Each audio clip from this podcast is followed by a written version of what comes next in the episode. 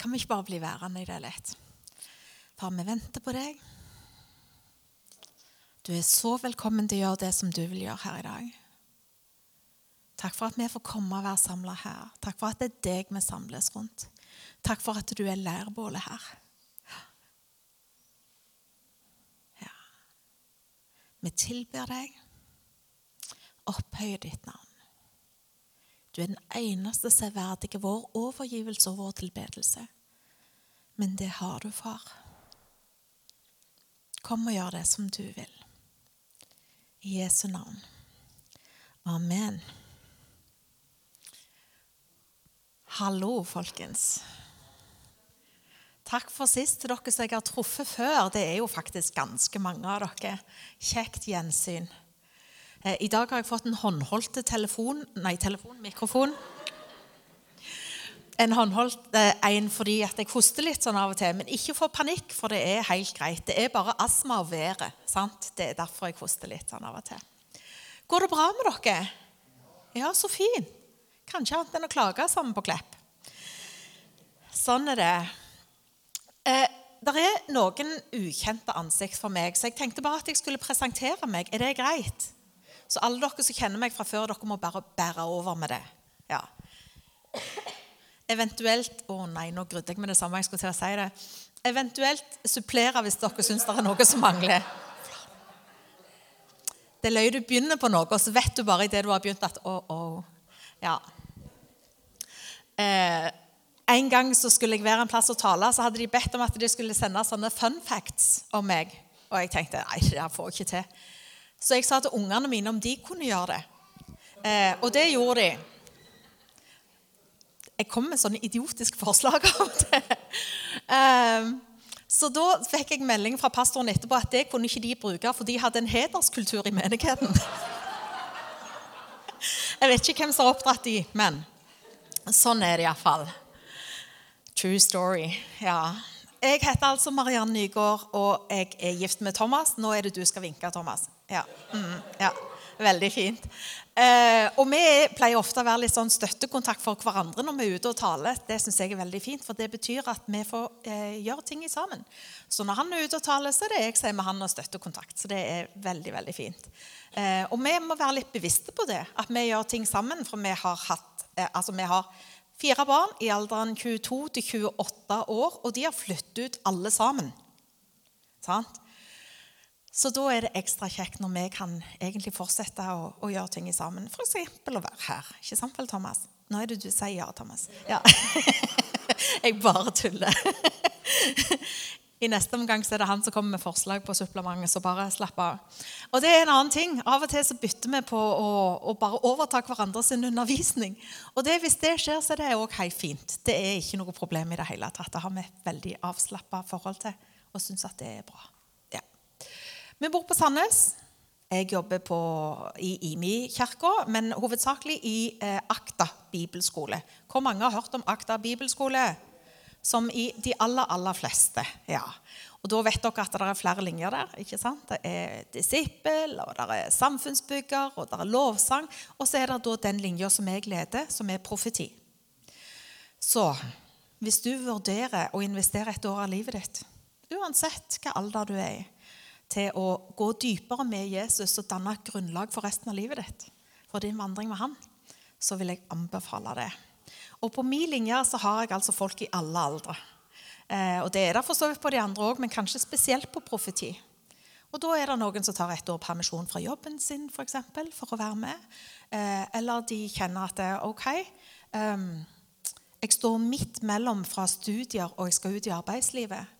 Jeg trenger et år på bibelskole for å lære hvordan jeg kan leve livet med Jesus òg på min nye arbeidsplass. Så bare så dere vet det. Dere er så hjertelig velkomne.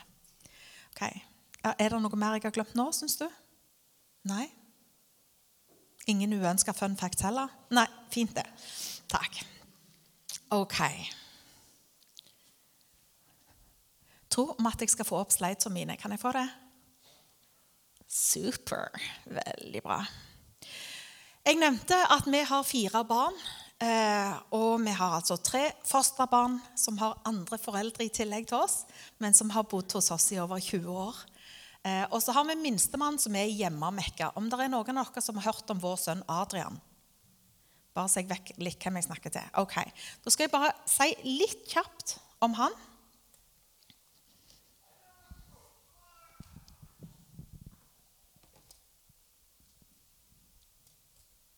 En høyrehendt, så er en høyrehendt.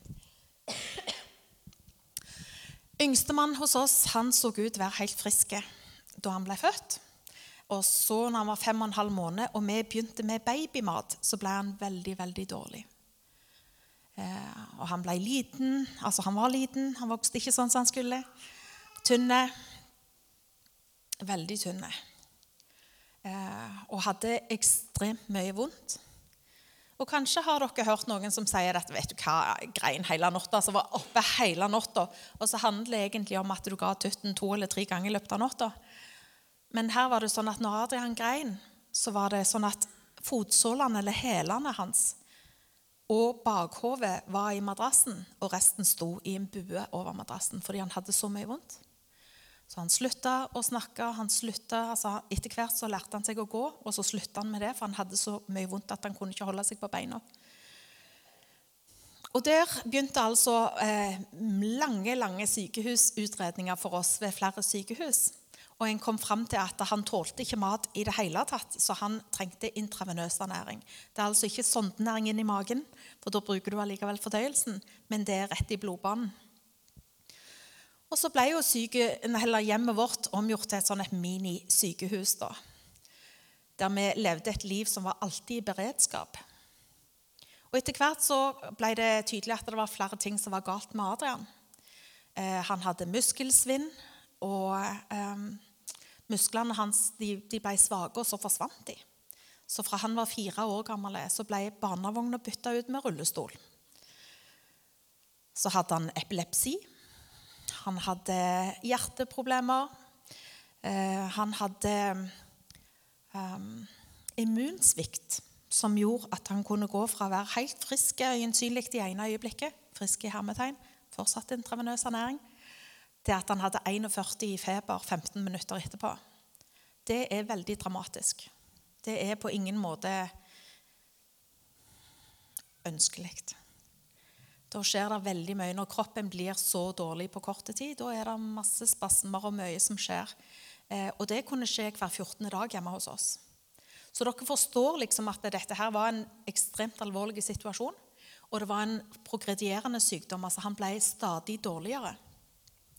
Og Vi hadde et godt samarbeid med, med sykehuset både i Stavanger og på Haukeland. Og, og snakket mye om hva ønska vi å oppleve sammen med Adrian. Og En av de tingene vi hadde sagt, er at vi har lyst til å ha en ferie og samle minner til, han, til når han ikke er mer.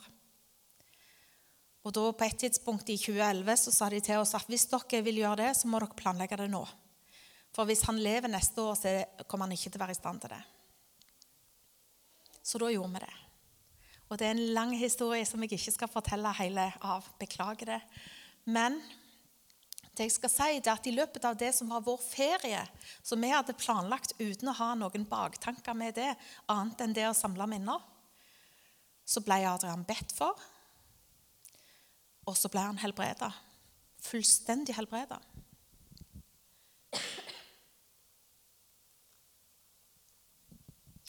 Og han ble helbreda da han var tolv år. Altså det, I fjor sommer så var det ti år siden. Og han er fullstendig frisk, 22 år gammel, fullstendig frisk, og dette året så reiser han i Sørøst-Asia. Veldig kjekt. Og hvis det, hvis det, hadde stått sånn, og vi ikke hadde sagt noe annet, så hadde det kanskje hørtes ut som han var syk, han, han ble bedt for, og så var alt greit. Ikke sant? Men faktum var at vi hadde jo òg bedt i alle disse åra. Vi hadde jo bedt i tolv år, med. Og ikke bare det, men vi hadde bedt for mange andre folk òg, og de hadde blitt helbreda mens vår sønn var syk.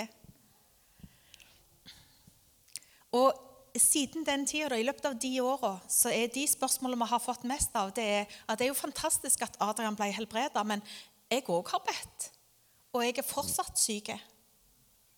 Eller jeg har litt store tap i livet mitt. Hvor var Gud da?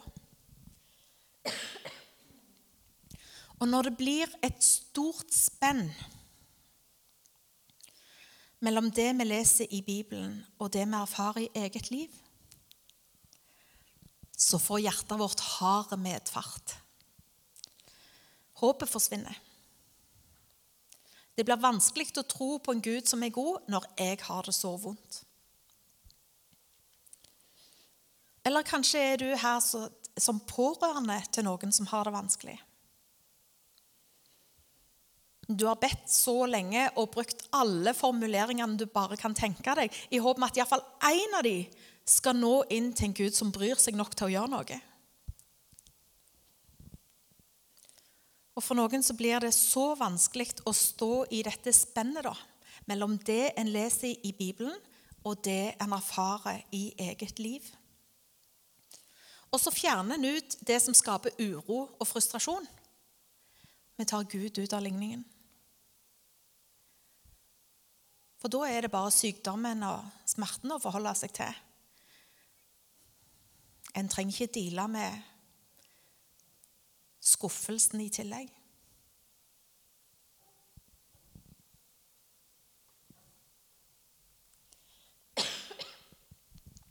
Hvis det gjelder deg eller noen som du er glad i, så har jeg altså skrevet denne boka til deg. Sånn ser det ut. Mens vi venter på et under, handler nettopp om disse vanskelige spørsmålene. Som vi har brukt ti år på å bli værende i. Høres jo rart ut kanskje når vi har opplevd helbredelse i livet vårt. Et sånn litt grensesprengende under. Men det er altså sånn at, det vet dere gjerne at hvis du er syk sjøl, så har du ofte mange du kjenner også som er syke. Eller hvis du har et sykt barn, så har du mange venner som har syke barn. Det er ofte sånn det er. Og For meg personlig så var det sånn at jeg ble livredd når jeg skulle komme hjem til mine venner, til mine nære venner, og fortelle at du, mitt barn har blitt helbreda, vel vitende om at deres barn fortsatt var syke. Det ble kjempevanskelig for meg. Det var faktisk sånn at Svigermor som hadde bedt for Adrian hele tida, hun, hun, var kjempetakknemlig for at han hadde blitt helbreda. Det tok sju år før hun sa det til noen. Sju år. For det var som hun sa eh, Tenk hvis de blir lei seg, for de har det jo vanskelig. Og Den eneste grunnen til hun sa det etter sju år, det var fordi at noen spurte. Altså, La oss nå bare være ærlige her. Men så er vår erfaring da at med å dele om hva Gud gjør, så får vi håp. Det skaper håp.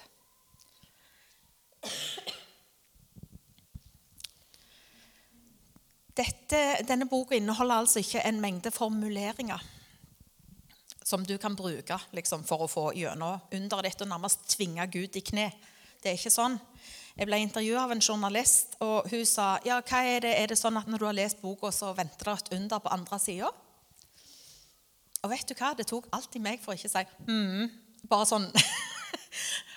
Men så skjønte jeg at det er ikke sikkert at hun ville forstå at det var tull. Og det ville uansett ta seg veldig dårlig ut på trykk. Fant jeg ut. Så jeg forklarte etter beste evne. Selvfølgelig er det ikke det. Selvfølgelig er det ikke sånn. Hva med de som har mista noen, da? Hvordan skal deres synder se ut? Og allikevel så er jeg overbevist om at Gud kommer til de òg. Med sitt nærvær og med sitt under. Kanskje ser det ikke sånn ut som vi ønsker, men han kommer nær. Vi skal snakke mer om det etter hvert. Det er jo sånn at ingen liker å vente. Det ligger jo i sakens natur. ikke sant? Det er litt som å se på maling tørke. Det er ikke veldig meningsfullt. Og Det ligger jo liksom i begrepet at du venter på det du ønsker deg, men du har ikke sett det ennå. ikke sant? Men ventetida er meint å ha et innhold, en retning. I ventetida så kommer Gud deg i møte, der du er. Og du, du får tilgang til sider ved Gud som du ikke har tilgang til når livet er plankekjøring.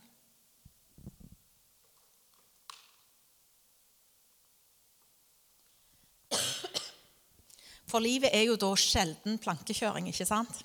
Iallfall ikke mitt liv. Og sikkert andre som kan kjenne igjen i det òg. Og en av de som hadde et sånn et hårete liv, det var sant, Dere tenkte Samson nå? Men det er feil. Det var Josef. Ja. Og med det så skal vi altså slå opp i første Mosebok. Og hele historien finner du fra kapittel 37 og utover. Og det kan du gjerne lese. Det er helt fint om du slår opp i Bibelen din og følger med. Eh, men jeg skal oppsummere litt, i og med at det går over flere kapittel. Vi skal snakke om drømmeren Josef. Og Som barn så drømte han store, grensesprengende drømmer om hvordan han skulle regjere. Og Så fortalte han familien sin om de. Og Det er helt tydelig at familien til Josef de var, eh, de var vant med det. De var vant med drømmetydning, for de skjønte med en gang hva det var han sa. Når han fortalte de drømmene sine, så er det sånn Aha, så du tenker at du skal regjere over oss, du? Sant? Og hva skjedde da? Jo, han ble avvist av brødrene sine. Og i forlengelsen så ble altså faren sin favorittsønn dumpa i en brønn. For så å bli solgt til egypterne. Og han gikk altså fra å være en elska sønn i huset til å være fanga i brønnen. Fra å være slave til å være Altså, han gikk til å være slave faraos, for faraos hoffmann.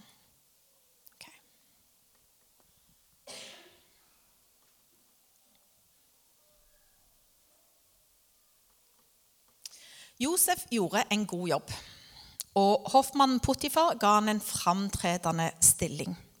Så jeg har det seg sånn at kona til Puttifar og Her må jeg bare ha en liten digresjon, for dette er viktig. Jeg vokste opp hele min oppvekst og trodde at hun het Puttimor. Og det syns jeg er litt viktig. Var det flere som gjorde det? Ja, dere, ja, dere tør ikke innrømme det, vet du, men sånn er det. Og hun, hun eh, kom altså med Altså, hun prøvde å forføre han. Og da han avviste henne, så kom hun med falske anklager mot han. Og på et øyeblikk så gikk Josef fra å ha status i Potifars hus til å være fange i fengsel. Selv i fengselet så opptrådte Josef så eksemplarisk at fengselssjefen satte han til å styre fengselet. Det er liksom ikke måte på heller. Så skal du få slå opp et vers i 1. Mosebok 39, vers 23.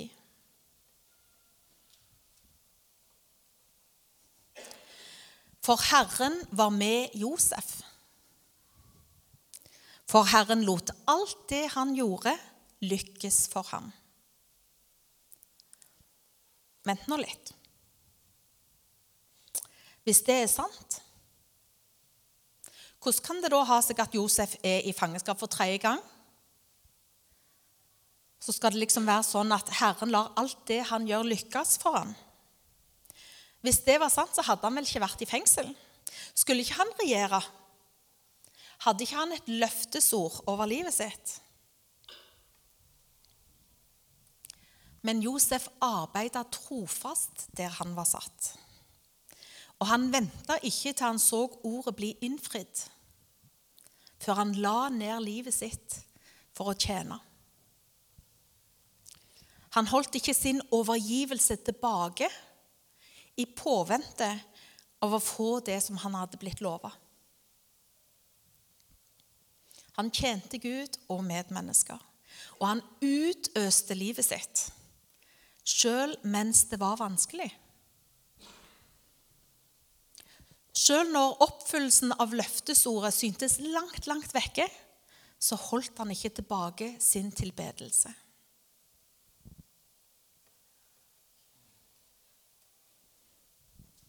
Etter ei tid så røyk altså to av hoffmennene uklar med farao, og de ble kasta i fengsel. Der møtte de altså Josef. Og En natt så drømte de begge to, og neste morgen så tyda Josef, han som kom fra en familie av drømmetydere, han tyda drømmene deres. Og det fikk farao høre. Så da farao hadde en drøm og trengte hjelp til tydningen, så henta hoffmann Josef fra fengselet. Og Josef han hørte på faraos drøm, og så ga han han tydningen fra Gud. Og Med det så fulgte det altså en strategi for hvordan de skulle håndtere hungersnøden som venta. Farao gjenkjente en guddommelig visdom i det som Josef sa, og han gjorde akkurat det som han hadde sagt. Og veien gikk fra fangenskap til lederskap. Og Josef ble satt til å lede Egypt. Og Etter hvert så kom da altså brødrene og faren fra Kanaan. For det var jo ikke sånn at det var bare hungersnød i Egypt. Det gjaldt jo for hele området. ikke sant? De sulta i sitt hjemland og kom nå altså til Egypt fordi der var det mat. Og Dette her er en helt sånn fantastisk historie som du gjerne kan lese sjøl i første Mosebok fra kapittel 42 til 46. På et tidspunkt så fikk Josef anledning til å ta hevn. Der sto disse brødrene som ikke kjente han igjen. Og de var avhengige av han for å overleve. Hvis de ikke fikk korn av den broren som de hadde solgt som slave, så ville de dø. Og de bøyde seg foran ham og ba om nåde. Og Etter hvert så kom også faren til Egypt. Og hele familien bøyde seg for han som styrte landet. Akkurat sånn som i drømmen som Josef hadde hatt som barn. Og på samme måte som brødrene tok avgjørelser som la føringer for Josef sitt liv, så holdt han nå deres skjebne i sin hånd. Nå kunne han endelig få rettferdighet. Og så valgte han nåde.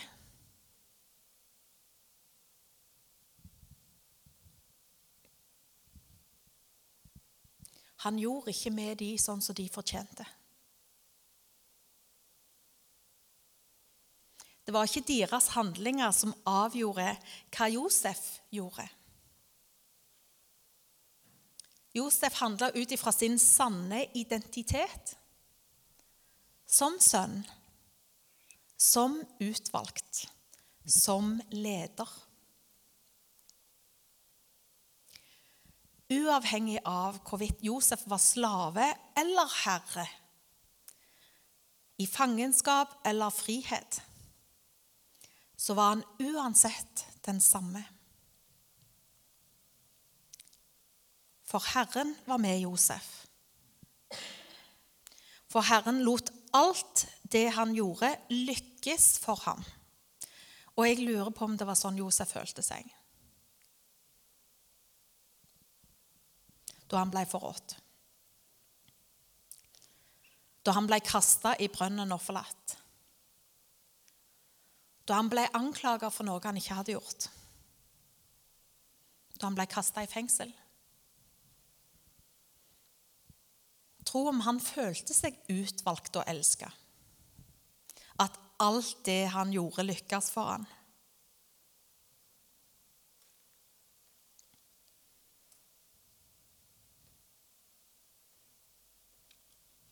Og like fullt så var det sannheten om Josef. Han var ikke den som erfaringene, omstendighetene eller anklagene tilsa. Han var den Gud sa han var.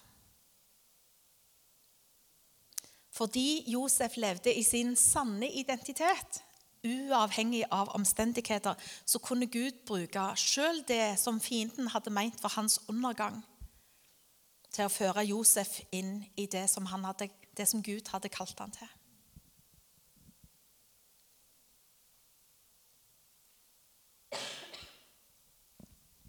Og Josef han holdt fast ved sin identitet uansett hva følelsene hans tilsa. Han tok ikke identiteten forkasta, svikta, solgt, slave fange, bitter eller hevngjerrig.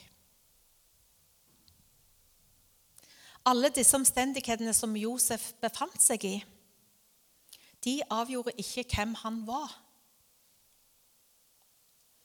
For han holdt fast på det som var Guds ord over livet hans. Og det var hans sanne identitet. Han var elska, ønska og utvalgt. Josef satt altså ikke passivt og venta på at ordet over livet hans skulle innfris, men han levde i sin gudgitte identitet hver eneste dag. I brønnen, i Potifars hus, i fengsel, som regent i Egypt.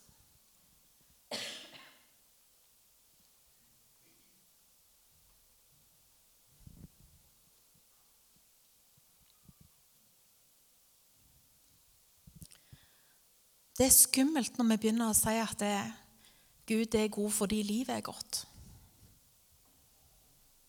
Gud er god uansett.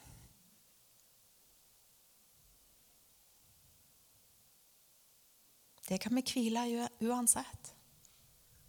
Det er ikke våre omstendigheter som avgjør hvem Gud er, eller hva som er Hans ord over livet vårt. Visste du hva, eller Vet du hva navnet Josef betyr? Det vet du stort sett ikke, med mindre du heter Josef. Sant? Ok. Men det betyr altså måtte Gud gi en auke. En økning. Måtte Gud gi en auke. Det er ei bønn. Måtte det bli mer av det som Gud hadde lagt ned i han. Måtte Gud stadig bli æra gjennom Josef sitt liv måtte Potifars hus være velsigna fordi Josef var der. Den er der sprengkraft folkens. Han var der som slave. Måtte Egypt, landet som hadde tatt imot han som slave, måtte Egypt ha framgang på grunn av Josef. Hvem er du? Hva har blitt sagt over livet ditt? Og hvis du tenker det er ingenting som har blitt sagt over livet mitt, faktisk, da må du ta fram boka. Der står det ganske mye som Gud har sagt over livet ditt. Og for de som lurte, Det var altså Bibelen som var boka, det var ikke denne boka. Sant? Det er greit å lese i denne òg, men les nå først og fremst Bibelen. ok? Ja. Hva drømmer bærer du på? De gir deg ofte en retning om hva Gud har kalt deg til. Hva er det som ligger der framme for deg, som du bare har fått et glimt av? Og hva er det i din historie som Gud bruker for å forberede deg på det som ligger foran?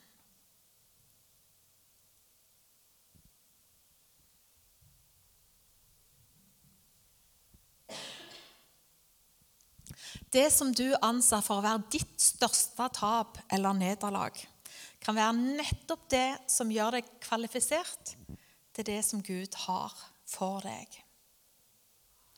Og Det betyr ikke at du skal ha din identitet i nederlaget ditt, eller i det som har gått skeis i livet ditt.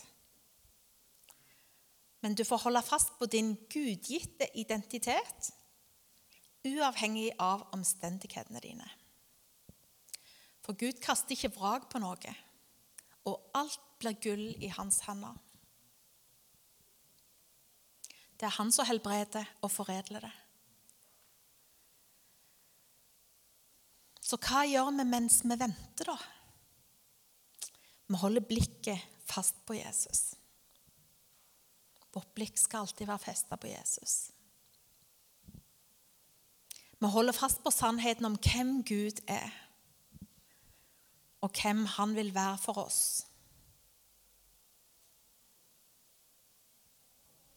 Og Hvis du lengter etter å se flere helbredelser, så skal jeg gi deg en nøkkel til det òg.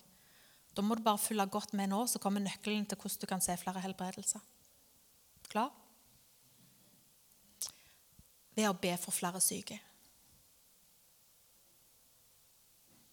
Ved å gå nær. Ikke holde seg vekke når noen er syke, fordi det er så anstrengende Eller vi har jo bedt en gang, og det skjedde ikke noe, så nå, nå jeg føler jeg er ferdig jeg nå. Det kan ikke være sånn i fellesskapene våre at folk som er syke eller har det vondt, holder seg vekke fordi det blir for anstrengende. Det er tvert imot her de skal få være. Og her er det vi skal møte dem og gå sammen.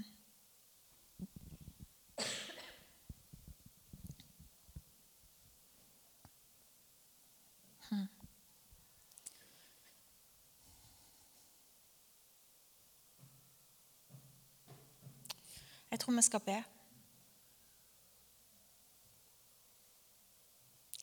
Og så gjør vi det sånn eh, Jeg vil gjerne lytte litt til Gud mens vi står her. Altså, hva er det han minner oss på? Hva er det han vil gjøre? Og hvis, Etter hvert som jeg deler ting, hvis du kjenner at jo, dette gjelder meg, så kan du legge hånda på hjertet ditt. Og Det er ikke fordi det er noe magisk i det, men du går fra å være en passiv hører til å bli en aktiv mottaker og ta imot det som Gud vil gjøre i livet ditt. Så la oss be.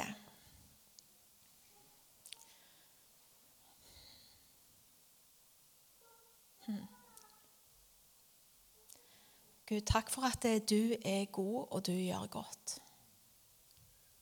Takk for at hvem du er, det står fast uansett våre omstendigheter.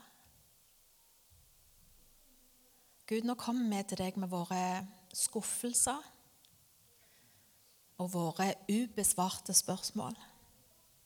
Og så legger vi de ned for deg.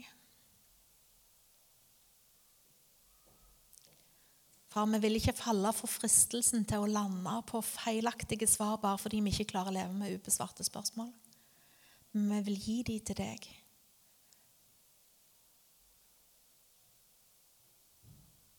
Og vi gir deg adgang til våre avstengte, støvete, gjerne skambelagte rom. Men òg de som er fullt av lengsel og smerte. Vi gir deg adgang til det, far. Det er vår tilbedelse i ei tid som denne. Midt i ventetida så tar du mot vår tilbedelse, som ser annerledes ut. Det er ikke de fine ordene, far.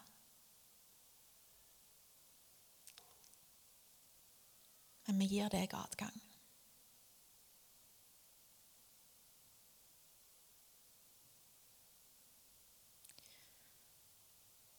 Og Hvis du er her som kjenner at vet du hva, det er så vidt jeg orker å forholde meg til Gud, for det er så strevsomt.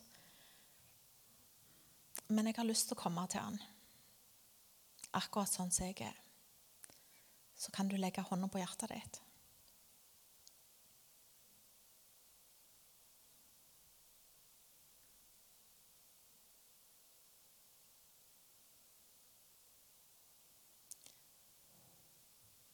Og hvis du er her som kjenner at vet du hva, jeg har bedt så mange ganger, at til slutt så har jeg bare landa på at det er ikke sant at Gud helbreder. Far, så ber vi om tilgivelse. Kom og vis oss hvem du er. Hvis det gjelder deg, så kan du legge hånda på hjertet ditt.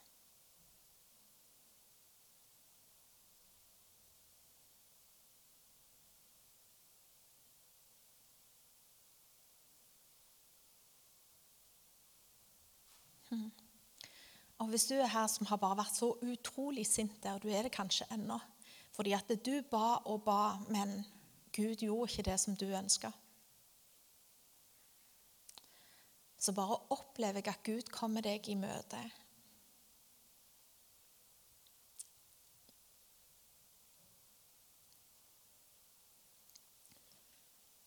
Og han tar, Det er akkurat som han tar imot alle dine anklager og sier takk.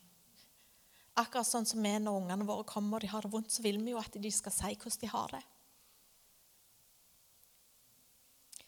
Så hvis det gjelder deg, så, og du er klar til å ta imot han, så kan du bare legge hånda på hjertet ditt.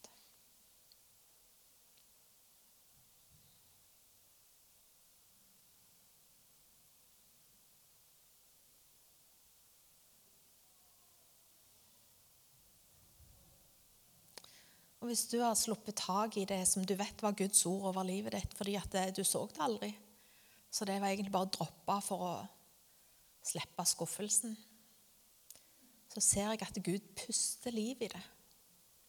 Han puster liv i de ordene som er sagt over livet ditt. Ta imot det. Far, du er bare god. Takker deg fordi at du kommer og møter oss akkurat der vi trenger å møtes. Vi tar imot deg. Takk, far.